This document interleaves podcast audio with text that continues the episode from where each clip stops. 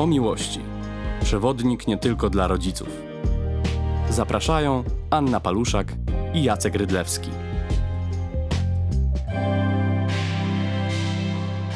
Dzień dobry Państwu. Witają Was Anna Paluszak i Jacek Rydlewski.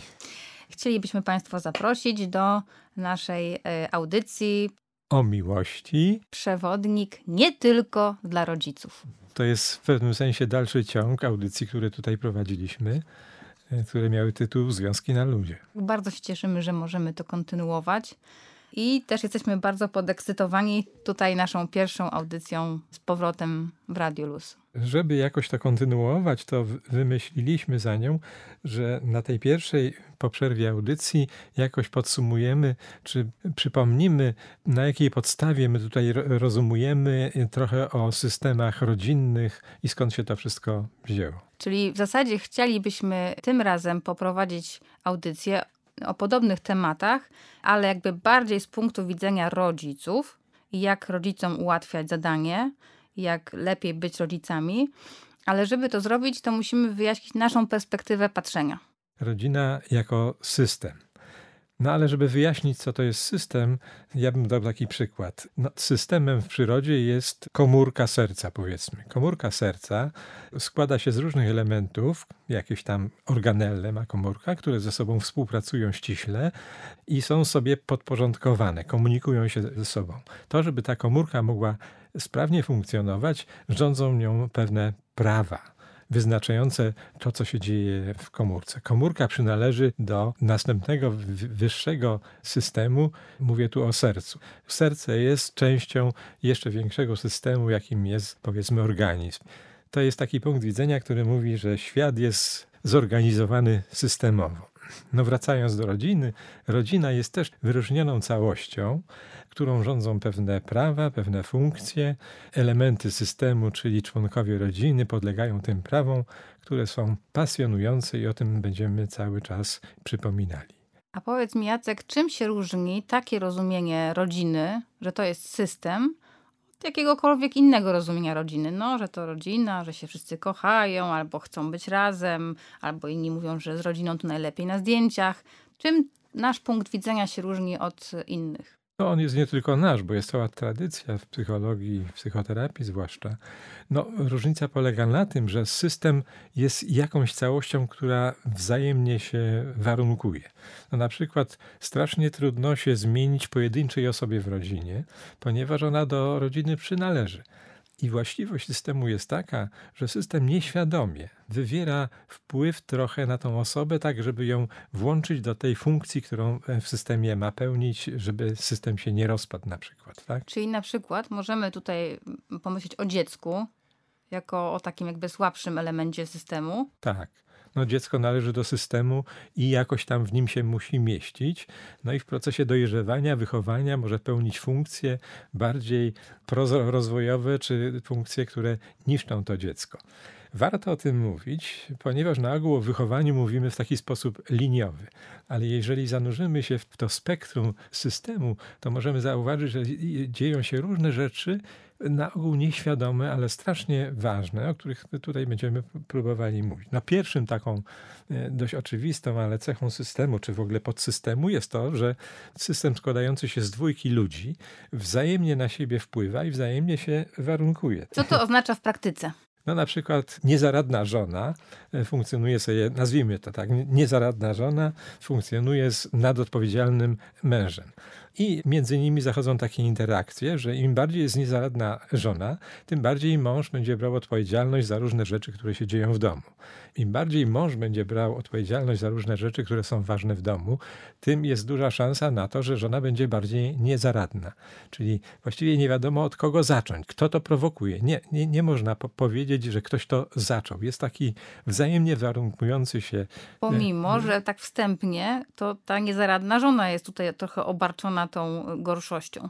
No nie zawsze, nie zawsze. Są nadodpowiedzialni, kontrolujący mężczyźni, którzy szukają jakiejś e, kobiety, kobiet. które mają skłonność do, do niezaradności, żeby to wszystko jakoś się kręciło e, razem. To przy okazji to jest ciekawy punkt widzenia na to, jak się dobierają ludzie w pary I mogę tutaj powiedzieć przed przerwą e, muzyczną, no, że to jest też fascynujący kawałek tego myślenia. Nie dobieramy się przypadkowo w każdym razie.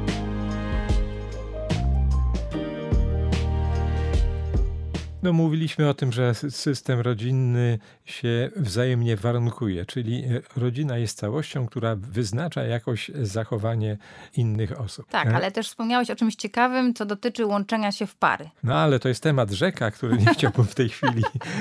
Aha, czyli to czeka słuchaczy. Tak, tak, to czeka słuchaczy. To jest ekscytująca rzecz, którą usłyszy się później. Mhm.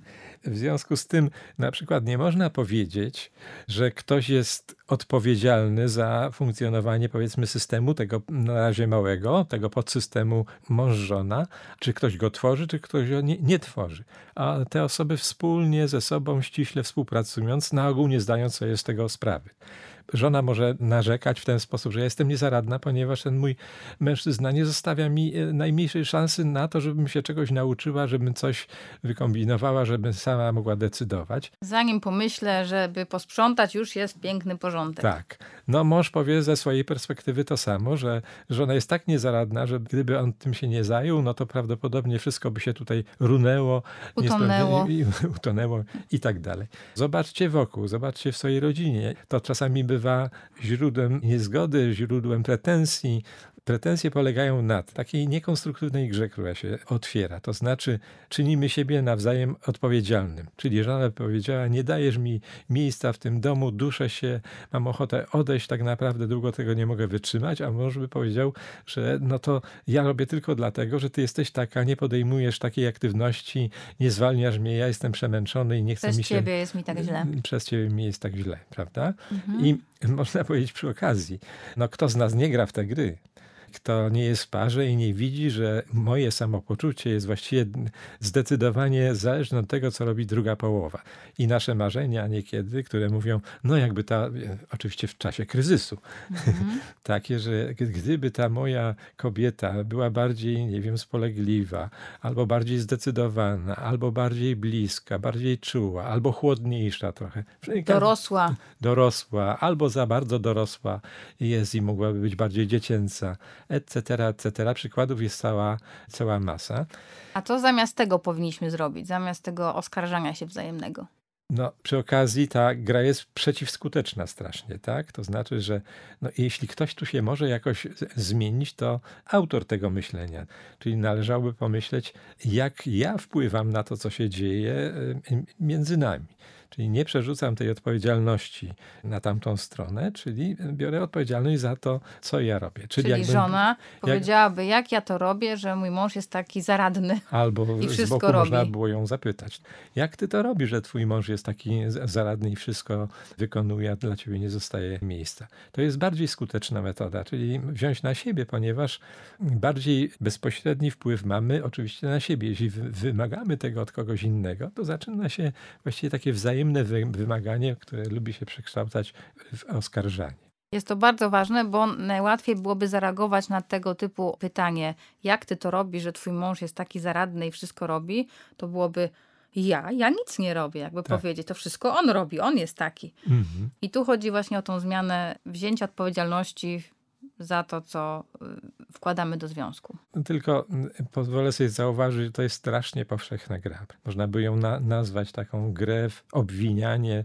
w trudniejszych sytuacjach, czy wręcz osądzanie. Przez niego to wszystko, przez nią to wszystko. W rodzinach często jest, proszę poobserwować, że wyznaczamy jakąś osobę, jakby czarną owcę, która jest odpowiedzialna za całe zło w rodzinie. I mhm. często tą czarną owcą jest dziecko, ale o tym już za chwilę. O miłości. Przewodnik nie tylko dla rodziców. Kontynuujemy wątek naszej czarnej owcy. Czarna owca, czyli w żargonie terapeutycznych, to jest osoba negatywnie oznaczona w systemie rodzinnym. To znaczy, że to jest osoba, która przez pozostałych albo większość członków systemu rodzinnego jest uważana, myślana, e, przeżywana jako odpowiedzialna za całe zło. To pełni taką funkcję trochę uspokajającą, to znaczy pozostała część e, rodziny może czuć się niewinna, może się czuć ofiarą, bo mamy oto takiego złoczyńcę czy taką kobietę, która wprowadza całe zło, a my jesteśmy tylko ofiarami. Mhm, czyli na przykład w tym naszym wcześniejszym przykładzie niezaradnej żony i zaradnego męża mogłoby być tak, że ta kobieta coraz bardziej, coraz bardziej się niezaradnia Tak, i mąż mówi, moje drogie dzieci, to wszystko przez waszą mamę, która ma ciągle depresję na przykład. Tak. często nie trzeba to dzieciom mówić. Dzieci widzą, prawda? No, widzą, kto narzeka na kogo, jak to jest silne. I jeszcze jedna uwaga bar- bardzo ważna. Jak mówimy o rodzinie, o porozumiewaniu się, to mamy wrażenie, czy często odnosimy do takiego świadomego sposobu mówienia i tego, co padnie w słowach, to jest istotne, a tego, co nie pada w słowach, jest, jest nieistotne. Otóż porozumiewanie się w rodzinie zachodzi na bardzo wielu, wielu, wielu poziomach i te najistotniejsze części na ogół są nieświadome. Czyli nikt się w rodzinie nie umawia na to, że my będziemy za chwilę mówić o tym, że wyznaczymy sobie czarną owcę, czy oznaczymy negatywnie jaką osobę. I poczujemy ulgę. Tak, tylko to jest metodą setek prób i błędów, poprawek i tak dalej. Ale dzieci wy- wyczuwają i na ogół zbliżają się trochę do osób, które wydaje im się, że są pokrzywdzone. Czyli tak, jeśli mama będzie miała powiedzmy rodzaj depresji czy niezaradności blisko depresji tato będzie brał dużą odpowiedzialność, to prawdopodobnie dzieci przylgną do mamy, będą jej współczuły jej złego samopoczucia i tak dalej i będą widziały ojca w tym wypadku w kategoriach sprawcy, Opętanego manią sprzątania, kontrolowania. wymagania i tak dalej. Czyli powiedziałeś e, dwie ważne rzeczy. Po pierwsze, że porozumiewamy się nie tylko werbalnie, jakby nie tylko w słowach, tylko może nawet bardziej znaczące jest to, co się dzieje pomiędzy słowami. Tak. Oraz, że dzieci mają taką tendencję do tego, żeby współczuć temu, komu Zbliżać. uważają, że jest gorzej. Tak. Tak. zbliżać się, podzielać jego punkt widzenia. No ja jeszcze bym powiedział o tym pozawerbalnym, e, żeby nam rozszerzyć trochę wyobraźnię. Wystarczy czasami, że ktoś głębiej westchnie. Tak, już wiadomo, że nie Już jest wiadomo, to jest tak silny komunikat, albo wywróci oczyma, albo zrobi coś, czego na poziomie świadomym nie, nie rejestrujemy. I to jest dość istotne, ponieważ jeśli są przekazy świadome i wyraźne, werbalne, to jeszcze można z nimi dyskutować. Dziecko mogłoby się zbuntować. żeby Tak, tak... a- albo przemyśleć, prawda? Mhm. E, A jeśli coś jest pozawerbalnie, to to po prostu jest taka ma- magma, która się dzieje, która wyznacza pewne funkcje, role, koalicje w systemie rodzinnym, z których sobie nie zdajemy sprawy. I nawet taka osoba, jak dotrze na terapię, to ona może nie wiedzieć, że w tym tkwi, Tak. tylko uważać, że wszystko jest w porządku, że cała rodzina funkcjonuje dobrze. Tak, tylko przez, przez mamę, która, nie wiem, ma depresję albo popija za wszystko dużo, jest- albo tak. i tak dalej, i tak dalej.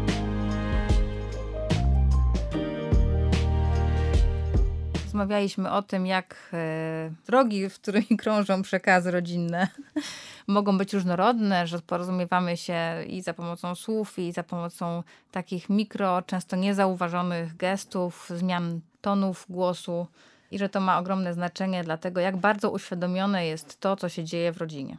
No właśnie, i te prawa możemy poznawać, odkrywać, na przykład kto jaką pełni funkcję, co między rodzicami się dzieje, jak to naprawić, już mówiliśmy trochę. A powiedz Jaceka, co to znaczy, że jaką kto pełni funkcję? Czy to nie wiadomo, że mama jest mamą, tata jest tatą, a dzieci są dziećmi?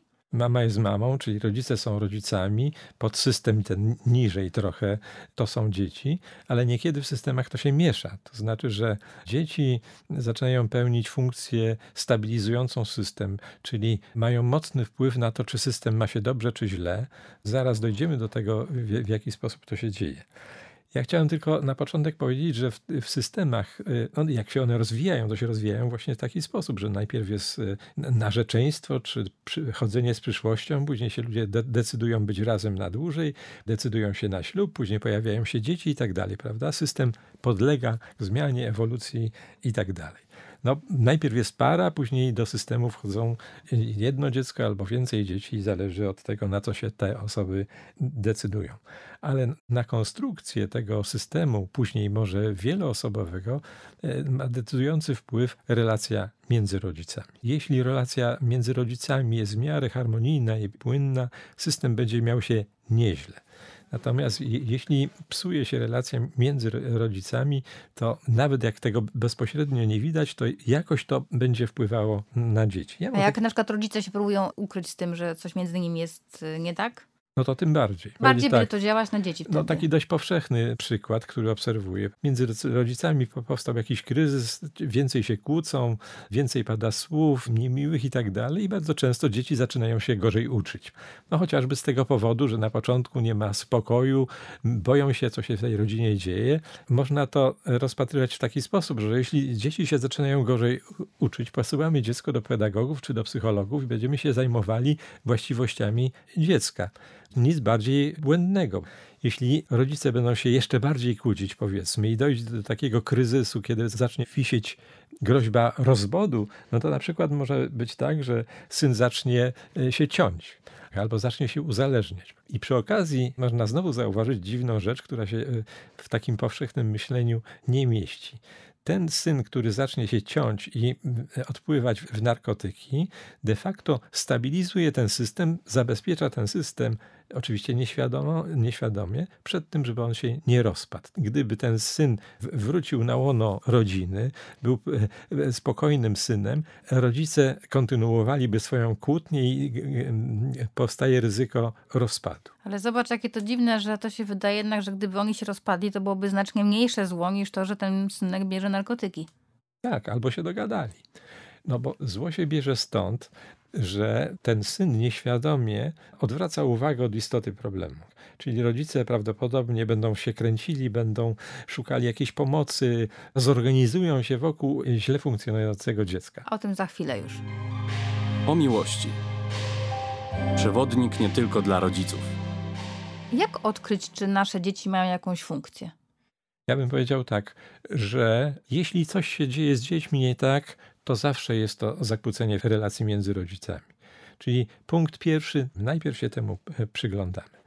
To zwrócenie uwagi na dzieci jest bardzo kuszące, bo właśnie odwraca tę uwagę. Może... Z jednej strony kuszące, a z drugiej strony też jest y, takie uzasadnione, bo martwię się o swoje dziecko. Tak. Taki obrazek, który ostatnio zaobserwowałem. Pokłóciła się troszkę rodzina, mąż z żoną jakoś nie mogli sobie patrzeć w oczy, bo każdy się czuł obrażony, ale tu koło nich siedział synek i mama nie wiedziała, co zrobić ze sobą. Popatrzyła na synka i mówi, oj, ty mi wyglądasz na chorego.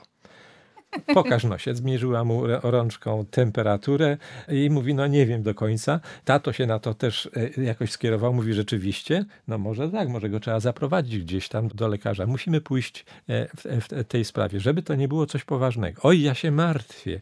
Jak ja się martwię, żeby to mogło e, się rozwinęło w taką chorobę, którą on tam kiedyś miał, albo który miała nasza znajoma i tak dalej. Czyli już nie kłócą się ze sobą, tylko tak. stanowią wspólny front ratowania dziecka przed chorobą. Tak. I proszę zauważyć, że to też jest e, e, dość powszechny sposób, prawda? Jeśli jest jakaś e, trudna sytuacja, to metodą prób i błędów też szukamy zajęcia jakiegoś, które nam pozwoli spokojnie zasnąć, albo zajęcia, które nam pozwoli tę trudną sytuację oddalić. To jest dość powszechna praktyka. Ja przed sesją egzaminacyjną, na przykład jak był stres, byłem studentem, to lubiłem wszystkie zaległe prace odrabiać, wszystkie listy pisałem zaległe, porządkowałem sobie książki, odkurzałem bibliotekę i przed sesją miałem wszystko wysprzątane na tip-top, ponieważ to z zwalniało mnie z poczucia tremy. Jacek, ja mam takie pytanie. Dlaczego rodzice mieliby być zainteresowani tą naszą perspektywą, nie tylko naszą, ale no tą tutaj, w którą radio prezentujemy, systemową? Dlaczego oni mieliby chcieć by słyszeć, że można patrzeć na sprawy systemowo? No dlatego, że tutaj jest jakaś nadzieja na rozwiązanie i to dość prędko, prawda? Można powiedzieć, no dzieci mają tę właściwość, że w całej swojej naiwności, zwłaszcza jak są małe, mówimy, mają dobre antenki do wyczuwania nastrojów międzyludzkich. Zdecydowanie lepsze antenki niż my. My już to zakłamaliśmy trochę słowami, interpretacjami. Dzieci przez to, że są dalej trochę tego języka, uczą się go dopiero, reagują bardziej na te e, aspekty, o których mówiłem, pozawerbalne, na to, co się dzieje między rodzicami, jak ze sobą mówią, na ton głosu, na, na sposób zachowania, mimikę, melodię głosu. Bardzo wiele rzeczy, z których sobie zdajemy sprawę, ale też jeszcze chyba więcej, których sobie nie, nie zdajemy sprawy.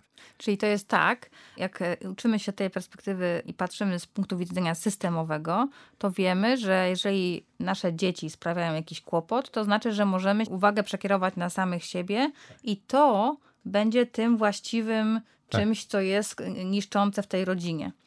I Nie? dzięki temu rozwiązać szybko problem. Tak. Czyli to jest tak samo jak ludzie, którzy przeżywają duży stres, to na przykład jedzą więcej. Tak. Jedzą, jedzą, jedzą i można powiedzieć, możemy zajmować się jedzeniem, zabieraniem tego jedzenia, odchudzania, odchudzaniem, ale tak naprawdę chodziłoby o to, żeby zobaczyć, co dokładnie ta osoba teraz przeżywa, co akurat ją zaczęło stresować, że więcej je.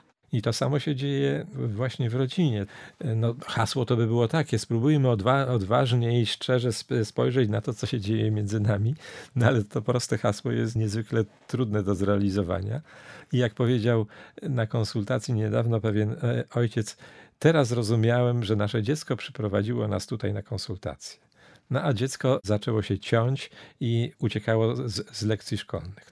Pierwszy odruch był taki zająć się dzieckiem, posłać je do psychologa, przebadać, może przebadać e, fizjologicznie, czy coś tam się złego, złego nie dzieje. Polecam Państwu to myślenie, bo to jest strasznie kuszące. A jeszcze jakiś niezbyt przytomny diagnosta czy psychiatra powie, tak, to, to dziecko ma anoreksję. Anoreksja to jest taka choroba, którą leczymy w ten i w ten, w ten sposób i tak dalej. I nieświadomie zwalnia członków tego systemu z takiego myślenia, zaraz, zaraz, zaraz, zaraz, no może anoreksja, może choroba, ale no coś tutaj się zaczęło między nami zmieniać i dziać i, to może być reakcja na to, co się dzieje. Przypominam znowu, że ludzie, dzieci w tym wypadku, kompletnie nie zdają sobie na ogół sprawę z tego, co robią.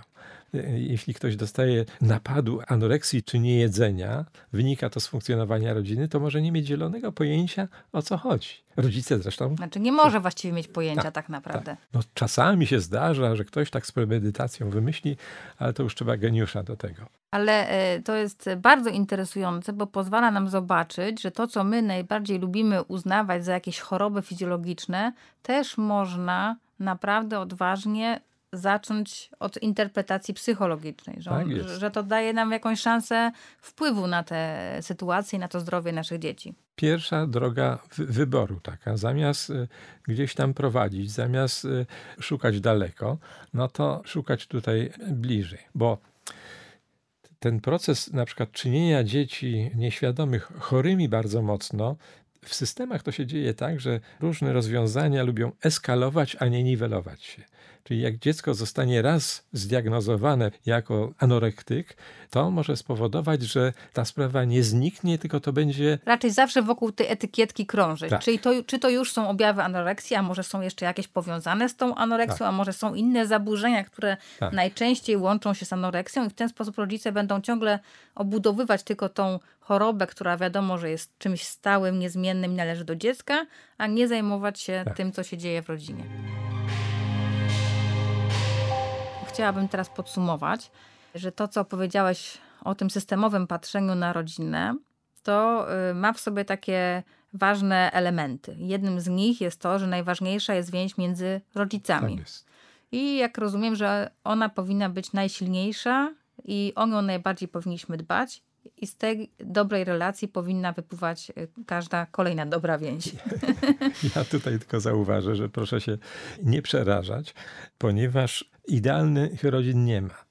W przyrodzie nie występują. Zawsze te rozwiązania, o których tutaj będziemy mówili, są dość powszechne. Dlatego wydaje nam się, że warto o tym mówić, bo jeśli je znamy, no to możemy coś w tej sprawie zrobić, prawda? No Samo przykład- to, że patrzymy już na to i sprawdzamy, czy Tak. tak. jest, czy nie jest, to już jest jakąś czynnością ważną, którą możemy zrobić. Tak, proszę Państwa, na przykład diagnostyka medyczna w niektórych wypadkach jest tak skonstruowana, że anoreksję rozpoznajemy po objawach zewnętrznych. No i zgodnie z, z diagnostyką taka osoba mogłaby dostać taką diagnozę i ona by pasowała do tego, co się, co się z dzieckiem dzieje, ale to pozwala pominąć ten istotny aspekt, o, o którym my mówimy. Żeby, żeby w, e, zająć się sobą, może wspomagać le- leczenie chociażby. Mhm. I drugą taką ważną rzeczą, którą powiedziałeś, jest to, że rodzice są też tak samo odpowiedzialni, czyli Tak. że każdy za ten stan, za każdą jakby, no większość awantur odpowiedzialni jesteśmy wspólnie. No to jest najtrudniejsze chyba do przełknięcia, zwłaszcza jak jest duża tradycja w rodzinie i ktoś jest długi czas źle oznaczony, prawda? No, Niektóre osoby jak to słyszą, to po prostu chcą z krzesła spaść. Albo rozwalić radio. Albo Nie polecamy. to przewrotne powiedzenie, że jeżeli jest coś nie tak y, mi- między rodzicami, to oni ciężko pracują, nieświadomie na na to, żeby to było między nimi nie tak. Mhm. Włącznie z tendencją do rozwodu, włącznie z tendencją do agresji, włącznie z uzależnieniem jednej lub drugiej strony lub dwójki osób i tak dalej, i tak dalej.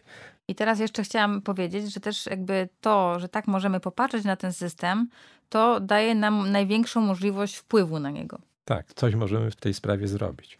Czyli może to jest proste, ale trudne do zrobienia. Ja też nie jestem taki mądry jak te słowa, które głoszę. Jak się sprzeczam ze swoją żoną, to pierwsze, co mi przychodzi na ogół do głowy, no, że to wina leży po jej stronie, bo mogłaby być bardziej, nie wiem, przewidująca, bardziej czuła, czy bardziej uczynna i, i tak dalej, i tak dalej. No ale oczywiście pomaga mi to, że wiem, że to jest złudzenie. To miło z, tej, z twojej strony, że się do tego przyznajesz. I, i, najlepsze, co by można było zrobić w takiej sytuacji, jako hasło podaję, taka refleksja, że to rzeczywiście musi być prawda, że jesteśmy odpowiedzialni podwójce. I ja próbuję zamienić to na takie zdanie, dziękuję ci, że tyle ze mną wytrzymujesz. I nieraz to brzmi bardzo absurdalnie. Tak zaczynam mówić, no jak ja mogę to powiedzieć? Przecież ona jest tu ewidentnie winna. I jak zaczynam mówić, kochana żono, dziękuję ci, że ze mną tyle wytrzymujesz, to w ślad mówienia tego zaczynam odkrywać, że coś jest na rzeczy, że to nie jest takie głupie i też ma swoje za uszami. Ale Powiem... nie chciałabym, żebyście państwo mylili to z autoafirmacją do lustra. Jestem piękna, jestem piękna i w końcu wierzę, że jestem piękna, tak? Nie, nie, nie, to jest inaczej. To jest odkrywanie tej prawdy tej zgodności w tym brzmieniu tych słów i ich znaczeniu ze sobą. No chyba każdy wyczuwa, żeby powiedzieć takie słowo, ono szczególnie, takie słowa, ono szczególnie trudno powiedzieć, kiedy jest jakaś awantura, bo do tego trzeba bardzo dużej dawki pokory tak bym chciał widzieć, że to jest po tamtej stronie. Zwłaszcza w przypływie emocji tak, tak jest. No ale właściwie jak biorę wino, wi, wi, winę na siebie, to mam wrażenie, że jestem idiotą pewnie i zaraz przegram wszystko, co bym mógł wygrać w życiu. No ale przecież nie chodzi o to, no to też może wa warte słowa, że jak obserwujemy ludzi, którzy są w sprzeczce, to można zadać by było im pytanie, czy ty chcesz się dogadać, czy ty chcesz wygrać? Hmm bardzo często ludzie przychodzą, nawet na konsultacje psychologiczne, można powiedzieć, jedna i druga osoba patrzy na terapeutę, komu przyzna rację ten terapeuta. Ale te ekscytujące historie pozostawimy na kolejne audycje. Tymczasem mam nadzieję, że przekonaliśmy Państwa do tego, że to jest bardzo wartościowe spojrzenie na nasze rodziny i w kolejnych audycjach będziemy przybliżać w konkretnych tematach tę perspektywę. Bardzo Państwu dziękujemy za uwagę. Dziękujemy i zapraszamy na dalej. O miłości Przewodnik nie tylko dla rodziców.